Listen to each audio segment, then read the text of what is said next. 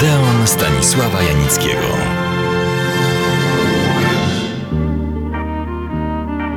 Rozpocząłem moją opowieść o niezwykłej aktorce Judy Garland od jej najgłośniejszego i niejako przypisanego do niej niczym znak firmowy filmu Czarnoksiężnik z krainy Oz, w którym z dziewczęcym wdziękiem grała główną, choć nie tytułową rolę która przeniesiona do czarodziejskiego świata krainy Oz, marzy jednak o tym, żeby powrócić do swojej małej ojczyzny, którą jest Kansas. Ta przewodnia myśl przyświecała nie tylko filmowej bohaterce.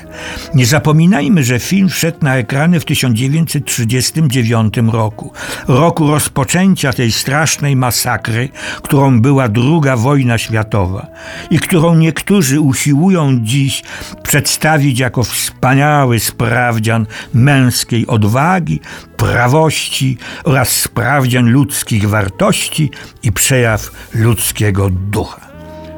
Tymczasem Judy Garland zaczęła mieć problemy. No właśnie jakie? Artystyczne, rodzinne, zdrowotne i tak i nie. Po prostu osiągając dwudziesty rok życia zaczęła nadmiernie przybywać na wadze, co niweczyło jej szczupłą, dziewczęcą urodę. Specjaliści od hollywoodzkiego wizerunku przystąpili zdecydowanie do akcji. Zastosowano ścisłą dietę i zaczęto faszerować ją najrozmaitszymi pigułkami. Oczywiście nie mogło to pozostać bez echa. Jej system nerwowy szwankował coraz bardziej. Brała pigułki na sen, pigułki na przebudzenie, pigułki powodujące zmniejszenie apetytu i tak. Od 21 roku życia była stałą pacjentką psychiatry. Nie ma się czemu dziwić, że zaczęła się też, przepraszam za określenie, karuzela małżeńska. Pierwszym mężem Judy Garland był szef orkiestry David Rose. Pobrali się w 1941 roku, ale dwa lata później żyli w separacji, a w 1945 się rozwiedli. O dziwo, w tym czasie jej popularność, niemal sława, nieustannie rosła. I to nie tylko na ekranie, ale również w radio czy podczas indywidualnych występów estradowych. Największym sukcesem cieszył się film i jej rola w Spotkajmy się St. Louis. W tym samym 1944 roku wyszła za mąż za reżysera tego filmu, którym był nie kto inny, tylko Vincente Minelli.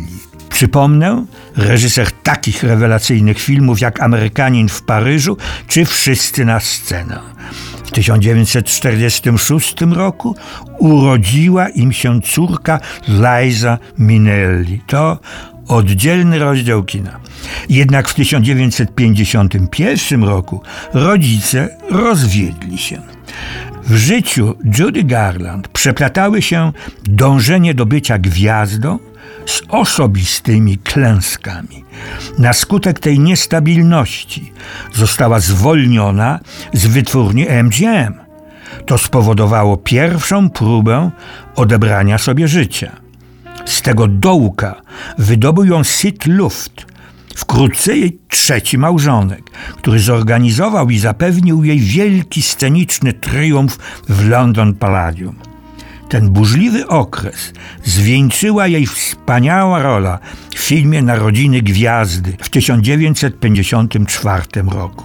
Otrzymała za nią nominację do Oscara. Następną nominację za dramatyczną, wstrząsającą rolę w filmie Stanleya Kramera Wyrok w Norymberdze. Wszystkie te role opłacane jednak były coraz bardziej pogarszającym się zdrowiem fizycznym i psychicznym Jody Garland. Jej program w telewizji CBS nie miał powodzenia i został zdjęty. W tym samym czasie toczyła ze swym mężem wyniszczającą obie strony wojnę o prawo do ich dwojga dzieci. Załamana pojechała z córką Lejzą na występy do Londynu. Rozwiodła się z trzecim małżonkiem, a poślubiła w 1965 roku Marka Herrona, drugorzędnego aktora, młodszego od niej o 7 lat. To małżeństwo zakończyło się po pół roku. Ten korowód na ślubnym kobiercu przerwany został 22 czerwca 1969 roku, kiedy to ówczesny, już piąty, mąż Judy Garland znalazł żonę martwą w łazience. Oficjalny powód, jaki policja podała, brzmiał przypadkowe przedawkowanie pigułek nasennych. Miała 47 lat. Jak to napisano, jej wielbiciele zamienili podziw i uznanie dla swej gwiazdy w prawdziwy kult, który w Ameryce trwa po dziś dzień. I rodzi się pytanie, czy każde zdobywanie popularności, każde dążenie do sławy, każda droga na piedestał musi tak często być okupiona ludzkimi dramatami, a często tragediami, jak w przypadku naszej bohaterki, Judy Garland. Zapraszam Państwa serdecznie do kolejnego Odeonu już za tydzień.